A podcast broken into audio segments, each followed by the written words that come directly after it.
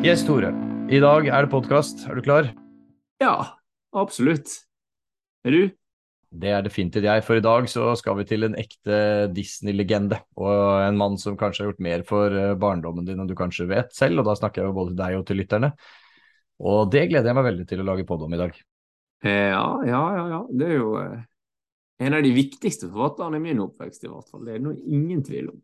Ja, og så vil jeg nesten påstå at uh, det ikke finnes noen som har hatt normal barndom, i hvert fall her i Norge, som ikke har uh, hørt om figurene til denne personen, i hvert fall. Mm, det, det, har de.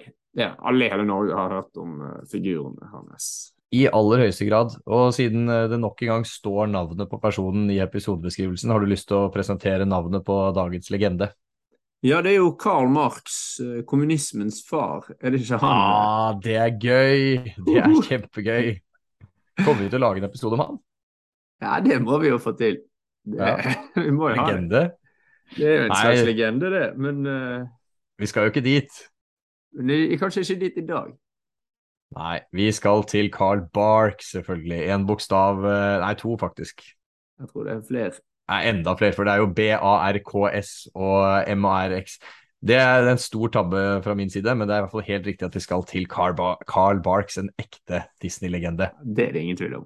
Og i den anledning så tenkte jeg også at uh, i tillegg til selvfølgelig å ta oss gjennom livet til Carl Barks, så må vi jo diskutere litt hva slags uh, effekt han har hatt på livet vårt. For jeg vil jo tro at du i likhet med meg har lest et par Donald-blader i ditt liv, eller kanskje sett noen Donald-TV-serier?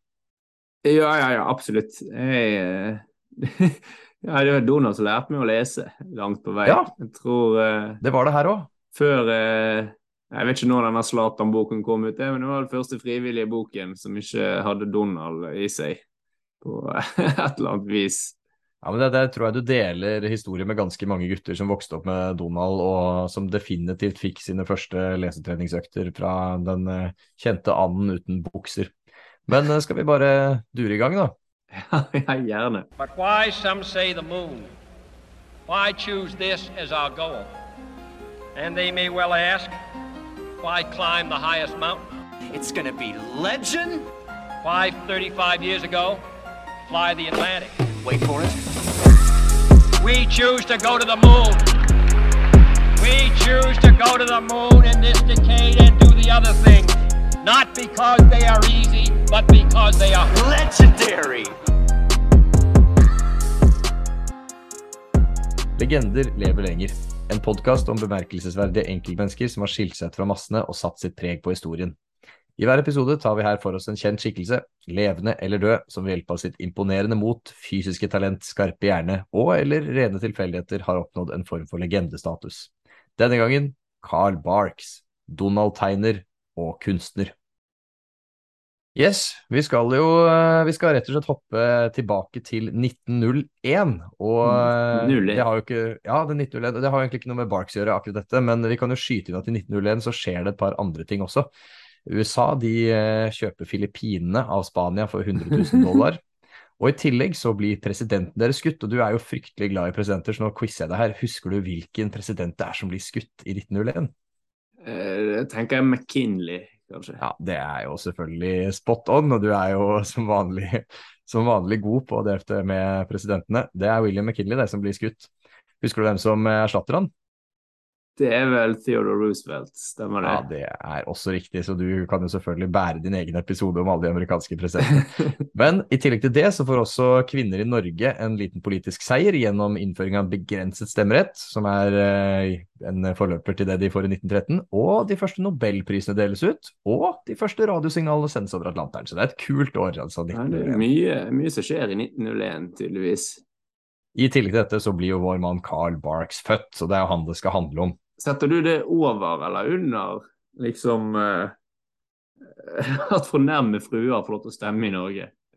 Altså, eh, Nå har jo Carl Barks betydd eh, langt mer for meg enn det at fornemme fruer får lov til å stemme i 1901, så jeg setter Barks definitivt høyere. Og så får vi heller si at uh, allmenn stemmerett til kvinner i 1913, det må, det må ses på som en enda større prestasjon. Ja, ok, det er godt. Der, er du, der har du både politisk korrekthet og humor. Det liker jeg. Nydelig. Ja, er ikke det vi prøver på? Jo. Men vi skal til en eh, gård i Merrill, Oregon. Det er ikke et sted jeg har hørt om, det har helt sikkert ikke du heller, men eh, det er nå i hvert fall der Carl Barks kommer til verden. Og ifølge han selv så var han et relativt ensomt barn. Og eh, det å bo landlig til da, på et knøttlite sted som Merrill er, det, jeg tror det var noe sånt som, det er noe som 800 innbyggere i dag, så det er sikkert enda færre i 1901. Det gjorde at det var ganske få jevnaldrende. Og Bark selv han mente å huske at det stemte også i skolesammenheng, og at det ikke var mer enn rundt ti elever på skolen. Og dagene såpass. Ja, det er, det er jo få. Det, da snakker vi hele skolen, ikke klassene. Så en relativt liten bygdeskole der. Og dagene gikk jo med til nettopp det. Det var skole, det var rusle hjem til gården, og deretter så var han stort sett overlatt til sine egne tanker og sysler. Og familien de flytter til en ny gård i Oregon, før de til slutt flytter til Santa Rosa, eller Santa Rosa i California. Og der møter Barks-familien på motgang. Faren får et sammenbrudd, og de pakker sakene og flytter tilbake til Oregon bare noen år senere. Så det er liksom her oppveksten hans eh, stort sett er, da. Og dette omflakkende livet, det allerede før han har blitt tenåring, det gjorde at han eh, fikk tynt med utdannelse, i tillegg til at man gjerne bidro i arbeidslivet i ung alder, som var vanlig på denne tiden. Og det er nok med på å forklare hvorfor Carl Barks eh, må gjennom en rekke jobber før han til slutt blir det han er kjent for. Så I Store norske leksikon blant annet, så nevner de eh, mislykkede forsøk på alt fra cowboy til tømmerhogger, stålverksarbeider, bonde, det er, eh, han legger skinner for togfirma. Det er gjennom, han er gjennom alt. Jobber han på margarin, margarinfabrikk? en av disse Ja, gangene. da, Jeg altså, ser altså, en parallell til Donald Duck, i hvert fall, som har Ja, mye skal- jobber. Vi skal innom det, for da jeg leste dette, så hadde jeg jo liksom håp om at å, please si at det er noe margarin her, for hadde vært, eh, da hadde vi jo skjønt hvor det kom fra. Men det er ikke helt fjernt. Vi er, er litt, eh, vi er litt innom dette når vi skal innom Donald etterpå, så har det litt å si hvordan han selv har vokst opp. Eh, For han har jo også skapt, eller ikke, han har ikke skapt Donald, det kommer vi også litt tilbake til, men han har blant annet vært med på å utvikle karakteren, og han hevder også at disse erfaringene fra disse tunge yrkene han har vært i, er en inspirasjon til blant annet Skrue McDuck og etter hvert Donald Duck. da. Og eh, det har jo litt med at han selv fikk jo ikke så mye ut av disse jobbene sånn rent lønns- og karrieremessig, men han påstår at det samtidig var et verdifullt innblikk i hvordan mange mennesker levde, og at humor for disse menneskene var ganske viktig i et ellers hardt liv. da. Ja. Så, eh, og da, Vi vet jo at Donald han er jo kjent for å ha notorisk uflaks i arbeidslivet, og da blir det jo ofte denne margarin, margarinfabrikken som du nevner, som blir resultatet når ting ikke funker. Det er vel det nærmeste han har en fast jobb.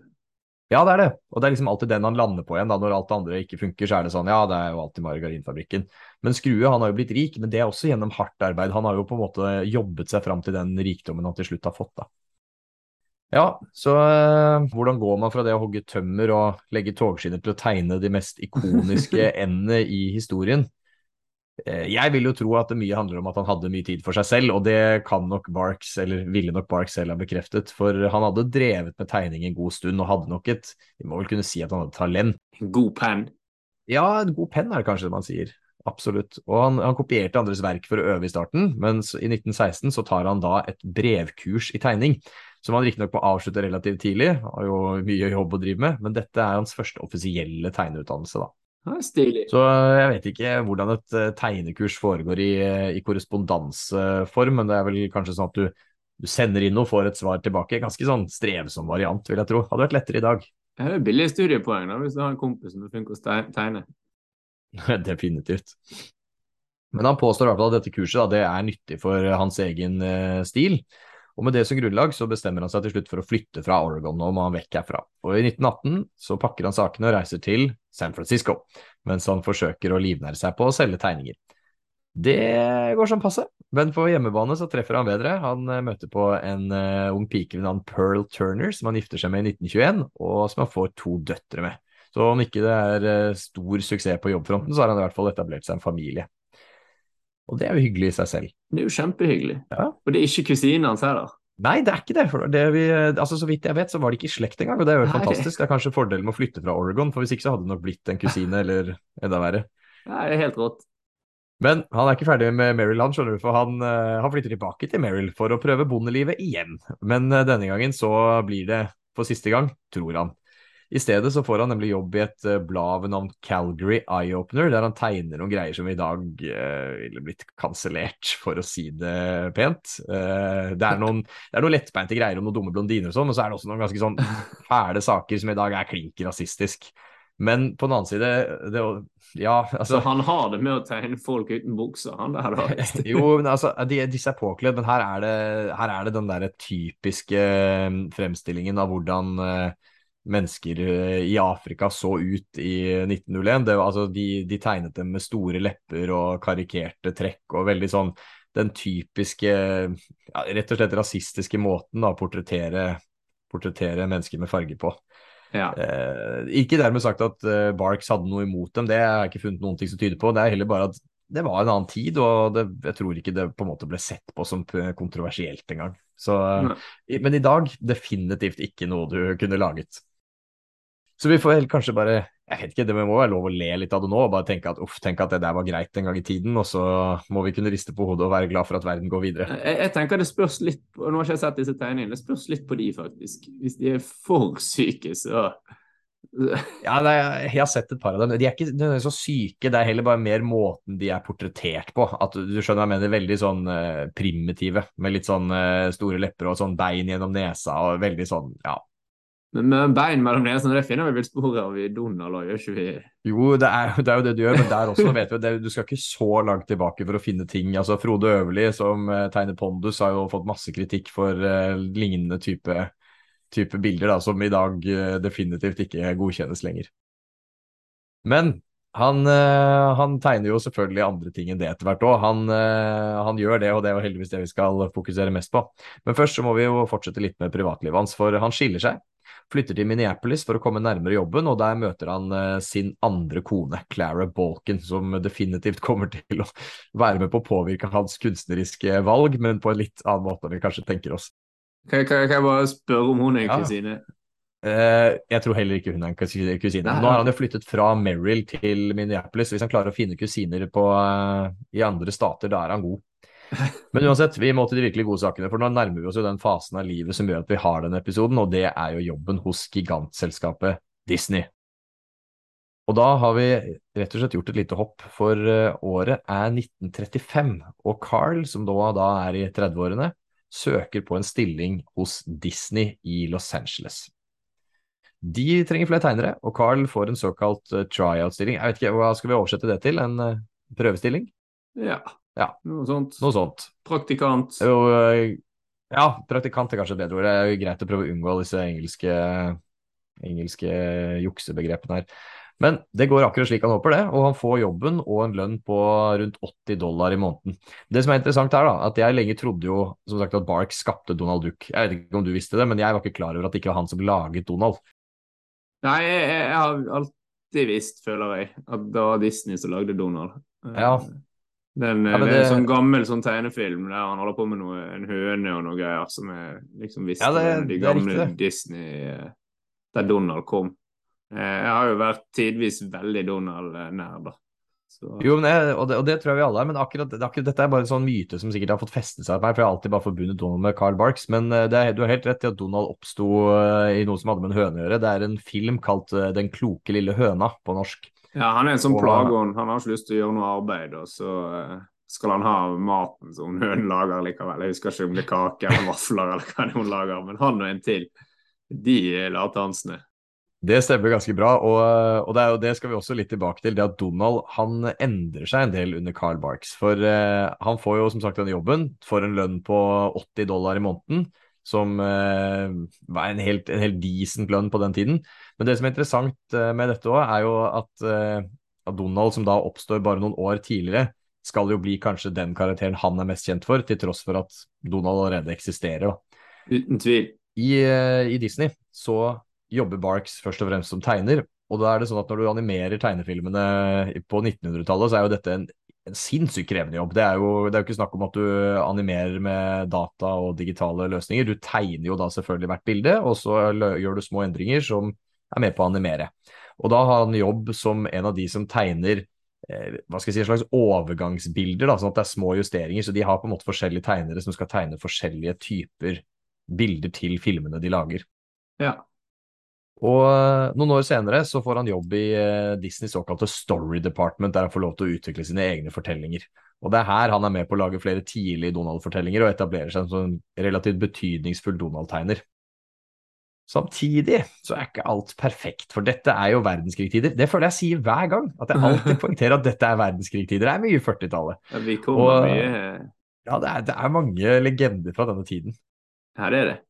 Og da er jo heller ikke stemningen internt i Disney helt på topp. Carl han blir misfornøyd med arbeidsforholdene, og i 1942 så sier han til slutt opp jobben i Disney Studios. Og det har også med at han sliter med helsen, og han nevner annet at aircondition-bruket til studio gjør han visstnok dårligere. Om det er at den er for kald eller for lite kald, eller om det bare er generelt at han sitter i for mye trekk, det, det vet jeg ikke, men han sier nå i hvert fall til slutt opp denne jobben, da.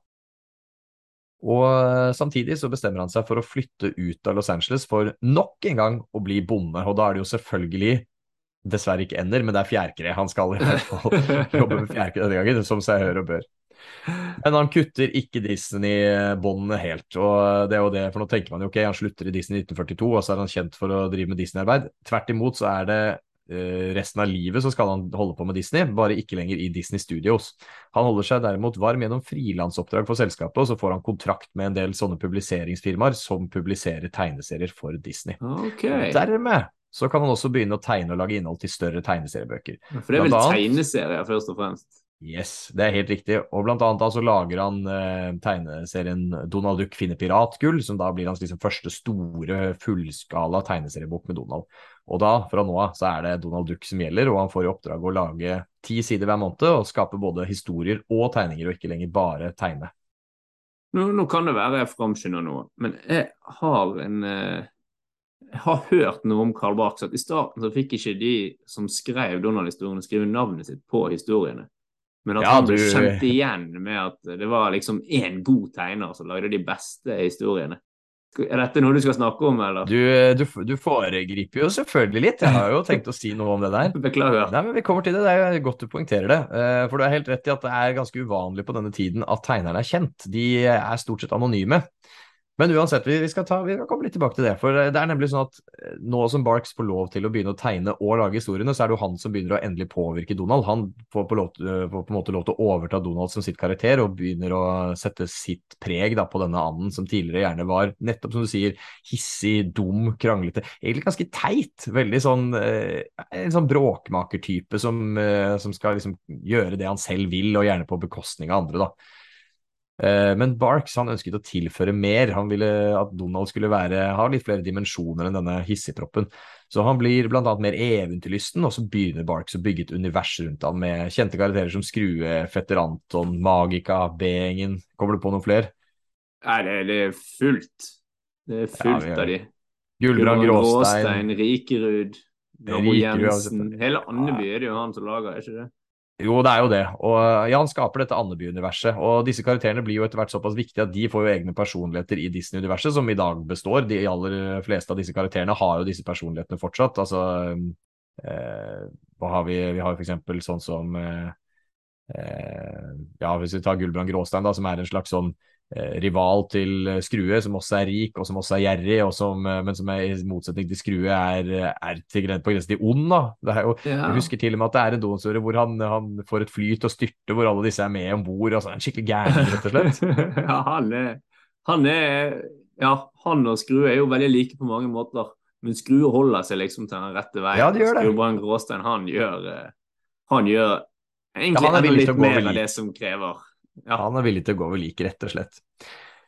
Uansett så er det jo disse karakterene er jo i dag eh, kjent for å være viktige bærebjelker i Disney-universet, og derfor så er det jo, sier det seg selv at Barks har jo en stor del av æren for at dette Disney-universet eksisterer. Og det er jo dette som blir jobben hans òg, mens han jobber for Walt Disneys Comics and Stories, da, som er det han nå jobber for.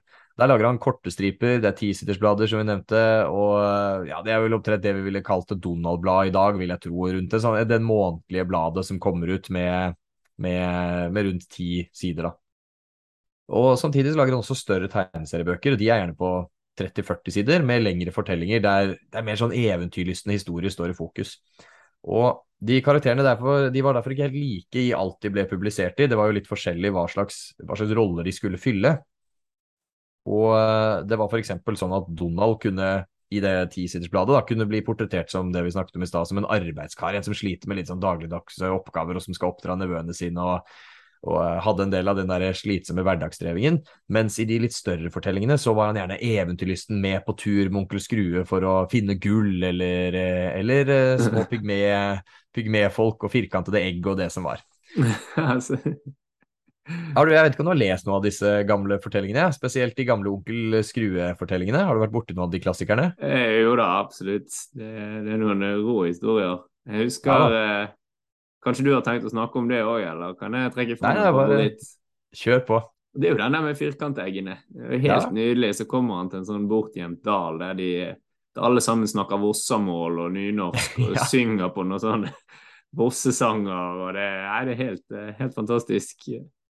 Han skaper jo et univers der, og det er jo spesielt nettopp med disse Onkel Skrue-fortellingene som, eh, som eh, begynner rundt 1952. At det er disse eventyrfortellingene hvor de er ute og reiser i verden til, eh, til liksom noen asteker-inspirerte steder med firkanthøner og det som er. Hvor de da de nedkjemper skurker og de løser problemer og skal finne skatter. Som da, det, det, altså, dette er med på å utvikle Donald da, fra å være en, en litt sånn strevsom arbeidskar til disse større fortellingene der vi setter han i en større kontekst.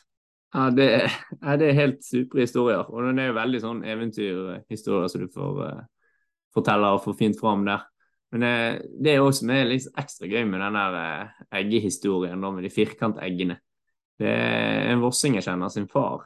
Han uh, kunne fortelle at det var stor ja, stor furore på Voss når denne historien kom. Oi. De hadde fått vossedialekt, de der tullingene som bodde ute der. Det var ikke alle på Voss som likte det i det hele tatt.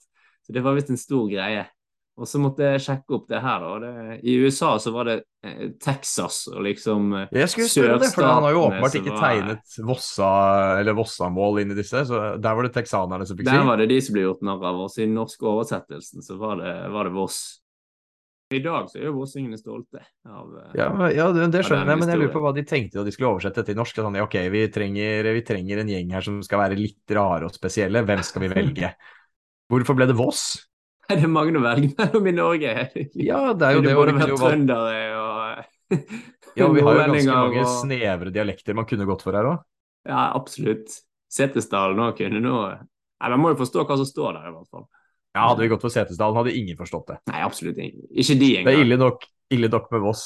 Men Så- vi må tilbake til det du nevnte i stad, dette med at eh, Barks er jo nå blitt en ganske kjent Donald-tegner, men så er han ikke kjent likevel. For han er nemlig klink anonym. 1952 det er jo også det året da Walt Disneys Comics and Stories når et opplag på 3,1 millioner eksemplarer, og det er ganske stort. Så det går så det suser på dette tidspunktet, og det betyr vel klingende mynt i kassen for Carl Barks, eller hva? Nei, det, nå tipper jeg ikke gjør det, men, eh, Nei, det gjør jo ikke det. For han er jo men gjør vel det for Disney? Det gjør det for Disney, men Carl Barks og veldig mange av de andre tegnerne er anonyme. Og Derfor så har han en kontrakt som, eh, som ikke forhandles, og han tjener det samme uansett.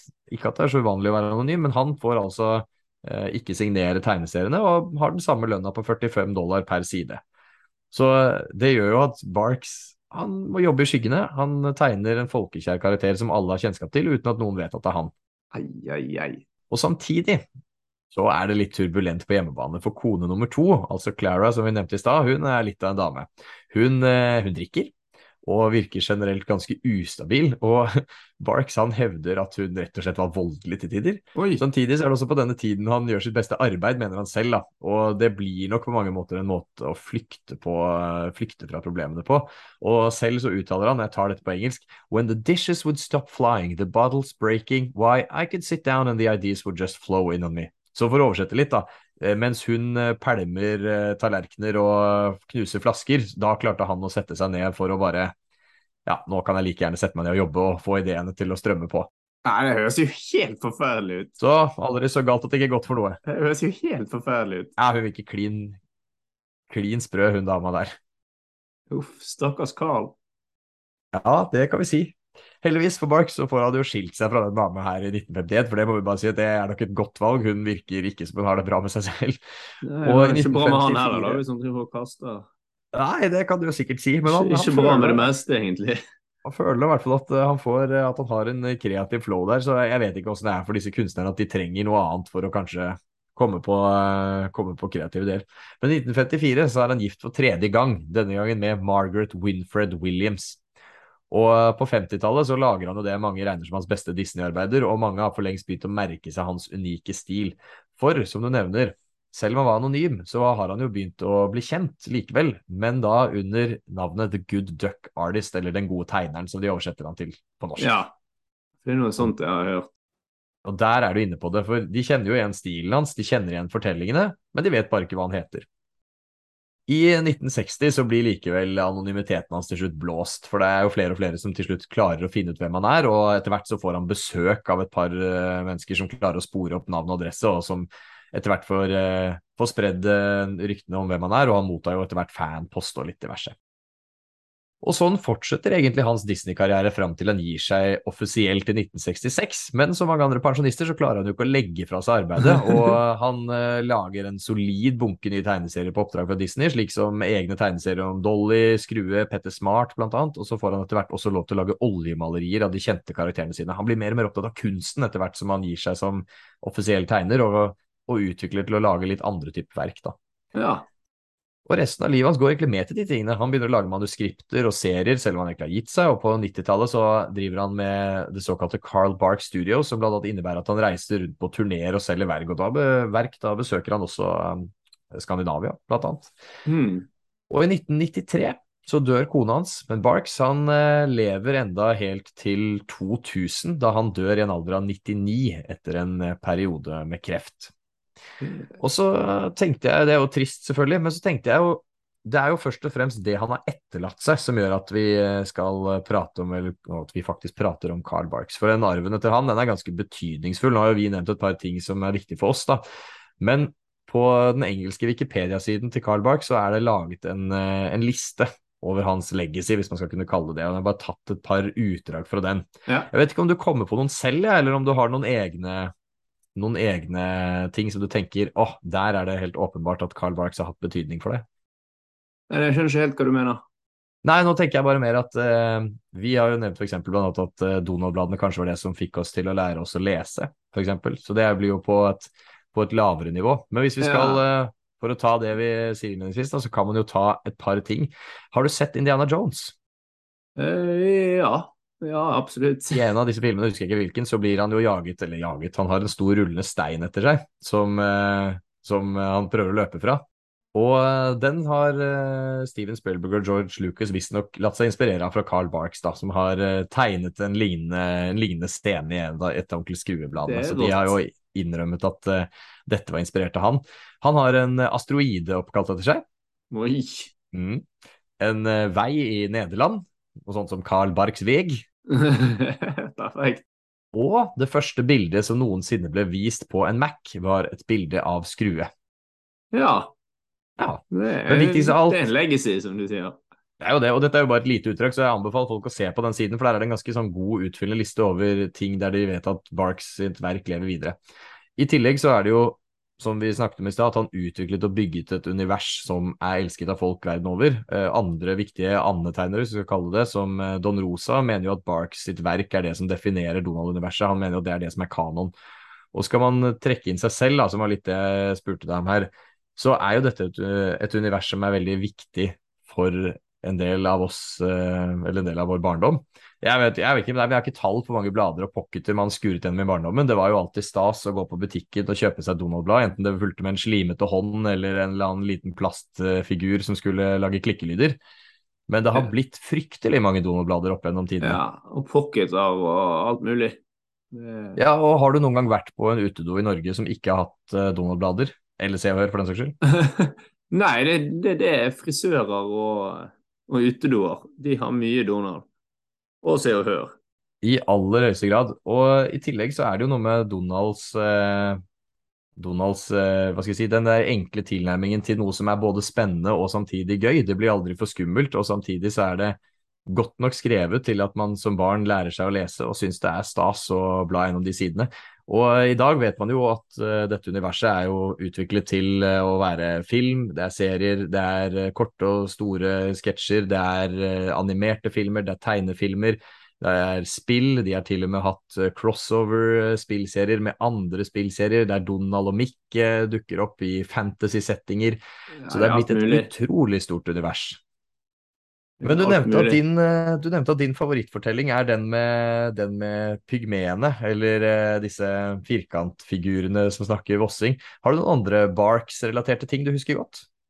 Altså, det er jo eh, Først og fremst for meg så er det vel egentlig at han har laget universet rundt Mm. med alle de tingene. Man, jeg husker jo også den historien der de der eh, Skrue konkurrerer med en, en sjeik om å, om å lage den største Cornelius Kvakk-statuen til, til Andeby. Den er helt Kvakk, Nydelig. Andebys eh, grunnlegger. Og- Ja, ja, ja. Mm. Det, det er jo han som har laget, uh, skrevet inn historien til, til Andeby der. Den historien òg er, er noe jeg husker veldig godt. Så er det jo Ja, de det- tingene som går igjen. Alt som går igjen. Pengebingen, lykketigjøringen, og alt det som alle historiene eh, ruller seg rundt, er jo faktisk ting som han har laget. Så jeg, jo, kan vi si meg enig med Don Rose om at Carl Karl Barks er kanon. Ja, og det er litt det, akkurat det du nevner der som er noe av det Don Rosa refererer til, at Carl Barks har en slags overordnet idé for det hele. Det er en gjennomgående greie at magikere skal ha tiøringen, i stedet for at de blir stående som enkeltfortellinger. Og så bryter han jo også nettopp med dette inntrykket av at Donald bare skal være en bølle og en bråkmaker, men gir han litt mer sånn menneskelige trekk da, en hardtarbeidende fyr som, ja da, han kan være lat og kose seg hjemme, men han, han prøver likevel å få endene til å møtes. No pun intended. Men Vi takker selvfølgelig for at Carl Barks har tegnet vår barndom, men du sitter kanskje på en liten liste før vi runder av dagens episode? Jeg skal kjøre Barks eh, beste karakterer, som jeg har kalt uh, den Ja, veldig gjerne. dagens kåring. Eh, Da vil jeg jo uh, nevne noen honorable mentions. Nå må vi ta det, det, det er hardt. Det er et hardt hit. Så B-gjengen de har ikke nådd opp. Uh, alle som har lest Donald, vet hvor viktige de er, og hvor morsomme de kan være. Uh, vi har Gullbrand Gulbrand, eh, Gråstein og eh, Rikerud. Ingen av de eh, multimillionærene har heller eh, nådd helt opp. Ja, de er de er kjipe millionærer, altså. selv om de er nære. De er nære, og begge de er jo litt sånn uh, shady typer. Um, hakkespettene og Hakkespettboken har heller ikke nådd opp. Nabo Ja, Jensen er en personlig favoritt. Hakkespettene er vel noe av det siste Barks faktisk uh, lager, er vel en hakkespettfortelling. Ja, ja, for det er jo han som har laget de. Det gir jo egentlig guttene Ole Ole Doffen helt nytt liv òg, de eh, Ja. historiene der. For de òg endrer jo veldig mening, eller hel eh, Endrer jo virkelig personlighet fra de første tegneseriene, nei, filmene til tegneseriene. Der de går egentlig fra de være de verste små bøllene til å bli de Ja. perfekte små eh, Ja, nesten arrogante, feilfrie folka, i kontrast til, til Donald sjøl. Men i den anledning, husker du å ha sett den uh, TV-serien Quack Attack, eller hva den nå het, eller om det var, et, det var kanskje det spillet, men den serien hvor Ole Doffen er tenåringer og ser ulike ut. Har du noen gang sett den? Ja, ja, ja, det var på Disney. Channel, var det ikke det? Ja, ja, stemmer. Da var de igjen blitt litt sånn litt rebelske og kjipe og plager Donald litt. De, de er definitivt ikke med i hakkespettklubben lenger der. Nei, da er de ferdige med den. Da er det damejakt og om å være tøffest mulig. Men du skal få Eh, fortsette på lista di. Ja, eh, Siste eh, honorable mentions her må jo være nabo Jensen. Det er Hans rivaleri med, med Donald. Han er kanskje litt mindre kjent enn de andre som er nevnt her, men det, det er morsomt. Det er gode Det historier. er Det er det en meg her. gjennomgående sak. Og det er faktisk, det og nabo Jensen er jo sånn som man enkelte bruker det jo som et uttrykk på å ha en kjip nabo. Ja, det, det er jo mange av disse tingene her. Pengebing òg, og ja. Eh, vi skal komme videre til flere av disse folka på toppen her, som òg er blitt begreper egentlig i Norge. På, på tredjeplass har vi Magika fra Tryll med all sin mystikk, magi og forfbomber. Hun er en gjennomført, kul karakter. Eh, bor der med vulkanen Vesuv, småsjekler med ravnen sin. Eh, og ja, den evige jakten da på å skrues lykketigjøring. Den er jo bare viktig for akkurat hun, og i motsetning til da B-gjengen eller eh, andre tyver, så skal hun ha bare den ene lykketigjøringen for å smelte den om til en amulett, eh, Mm. er det det heter? Eh, Ja. Som skal gi hun eh, evig, eh, evig rikdom, da. Så hun er jo på en måte ute etter penger, hun òg, men eh, det er bare akkurat den. Og den òg har jo vært viktig eh, en viktig plass for å skru sjøl, som eh, av og til i noen av historiene så er jo han litt sånn eh, Ja, at han bare funker når han har tiøringen. At business bare går bra når han har tiøringen. Mens andre ganger så er det hardt arbeid. Så Skrue òg er jo en dynamisk karakter. Det er jo alle karakterene til, til Barks. Men så må vi jo skyte der at hvis du har eh, bodd under en stein og aldri lest Donald i hele ditt liv, så kan vi jo si at lykketiøringen er den første mynten Skrue tjener, så den har en stor affeksjonsverdi for Skrue. Absolutt. Men vi må fortsette. Vi har eh, på andreplass en annen sånn fyr som har blitt et begrep, egentlig. Fetter Anton, med hellige oh. Anton, med all sin flaks, latskap og jeg vil si ufordragelighet. Han, eh, ja, og han klarer å toppe egentlig det rivaleriet som nabo Jensen har med Donald. Men disse rivalerihistoriene med Donald mot en eller annen er jo eh, fantastisk morsomme. Mm. Antons flaks den òg er jo dynamisk. Varierer fra litt sånn hverdagsflaks til eh, helt hinsides. I noen historier så kan han jo bare liksom Vi trenger, vi trenger eh, 1000 kroner, kanskje du eh, ønsker deg det? Og så flyr det selvfølgelig en tusenlapp eh, rett i hånden på han, hvis han gidder. Så, så det, det er jo veldig varierende hvor mye flaks han har, men han er alltid på papiret veldig vanskelig, eller om ikke umulig å slå, da. Eh, så ja, så Donald han må stri hardt med å, eh, med å, med å ja, utkonkurrere fetteren. Og det, det må mye til for at han skal vinne, da. Når det er sagt, så er det vel stort sett ender vel historien om at begge to taper, og ikke med at uh, en av de vinner. Ja, og så er, er jo Dolly Donalds kjæreste after all, så sånn sett så kan vi jo si at Donald vinner kanskje i kjærligheten, mens uh, Anton vinner i spill. Ja, Donald er jo en finere fyr enn Anton er jo på mange måter. Det er vel derfor man heier litt på han òg, når Anton er liksom den som bare har flaks og ikke har jobbet en dag i sitt liv omtrent. Helt på førsteplass, der har vi eh, Petter Smart. Han har, akkurat som Anton, fetter Anton, heldige Anton, pengebingen, hakkespettboken, blitt helt normalt, allment akseptert ord Mm. på norsk. Artige oppfinnerskruer eh, i avisene landet rundt blir liksom kalt en, en Petter Smart, eller Gunnar 64, bygdas Petter Smart. Det er sånne overskrifter som går igjen i alle lokalaviser i Norge. Reodor Felgen er nok en konkurrent på akkurat det, på, den plassen der, men han er, Petter Smart er etablert uttrykk for litt sånn rare oppfinnelser. I seg sjøl så er Petter Smart òg en veldig gøyal karakter. Han varierer fra å være helt håpløs til å være tidenes beste oppfinner. Og historiene der han er sentral, blir jo som oftest veldig særegne, da de eh, dreier seg omkring oppfinnelsene hans og gir unike muligheter for eh, gode plott. Bonus til eh, Petter Smart her, det er kanskje hans beste oppfinnelse, Lille hjelper. Den Mm. lille lille kompanjongen hans, en, lyspære med armer og bein, ja. Som oftest Ja, som ofte til og med har sånne egne små historier i bakgrunnen i rutene, der Petter Smart og de andre holder på. Og for å avslutte helt til slutt her, eh, så har jeg funnet noen, eh, noen oppfinnelser som Petter Smart eh, har laget, som vi skal nevne da, før vi, før vi gir oss. Hoppestang med ryggsekk for smørskjerning. Vi- Den er nyttig. Den er veldig nyttig. Vi har eh, selvlekende leker. Nok Den er er veldig nyttig. Nyttig oppfinnelse. Det er språkmaskin som kan oversette språk i real time fra, ja, fra norsk til gresk eller amerikansk, engelsk. engelsk. Ja, den, eh, den nærmer vi oss jo i virkeligheten, faktisk. Den er jo, den er jo rå. Men Ja. han, han overgår virkeligheten òg, da. For han har jo språkmaskin der han får dyrene til å snakke i tillegg. Mm. Så har han en sorteringsmaskin for gull. En spredt mobil kan vi nok eh, nevne. En eh, automatisk oppfinner eh, som oppfinner ting, mer eller mindre ubrukelige.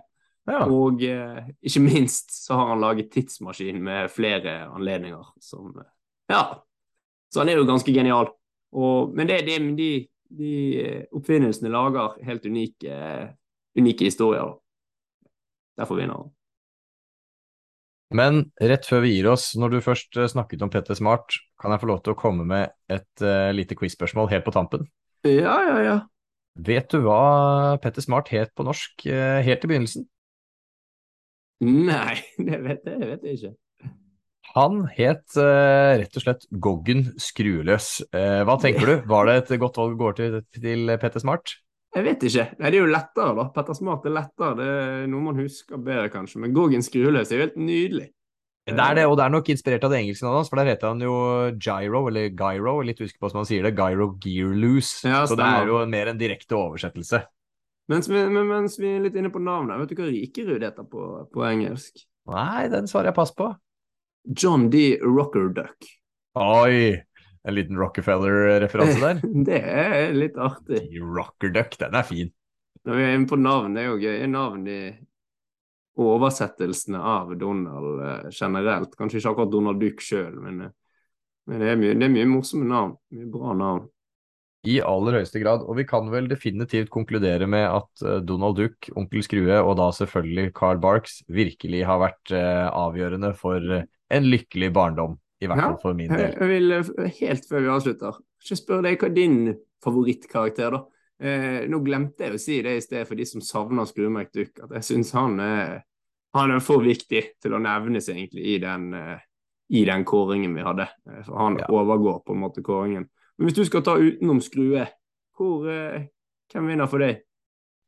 Nei, hvis, eh, når jeg ikke får lov til å si skrue, så, eh, så blir det hakket vanskeligere. Men jeg har alltid syntes at Petter Smart har vært en utrolig kul karakter. Og det er nok kanskje mest, kanskje vel så mye på grunn av Lille Hjelper, som jeg alltid syns har vært en utrolig morsom og fascinerende sak. Og det at han liksom alltid bidrar med disse nyttige eller unyttige oppfinnelsene når det trengs som mest.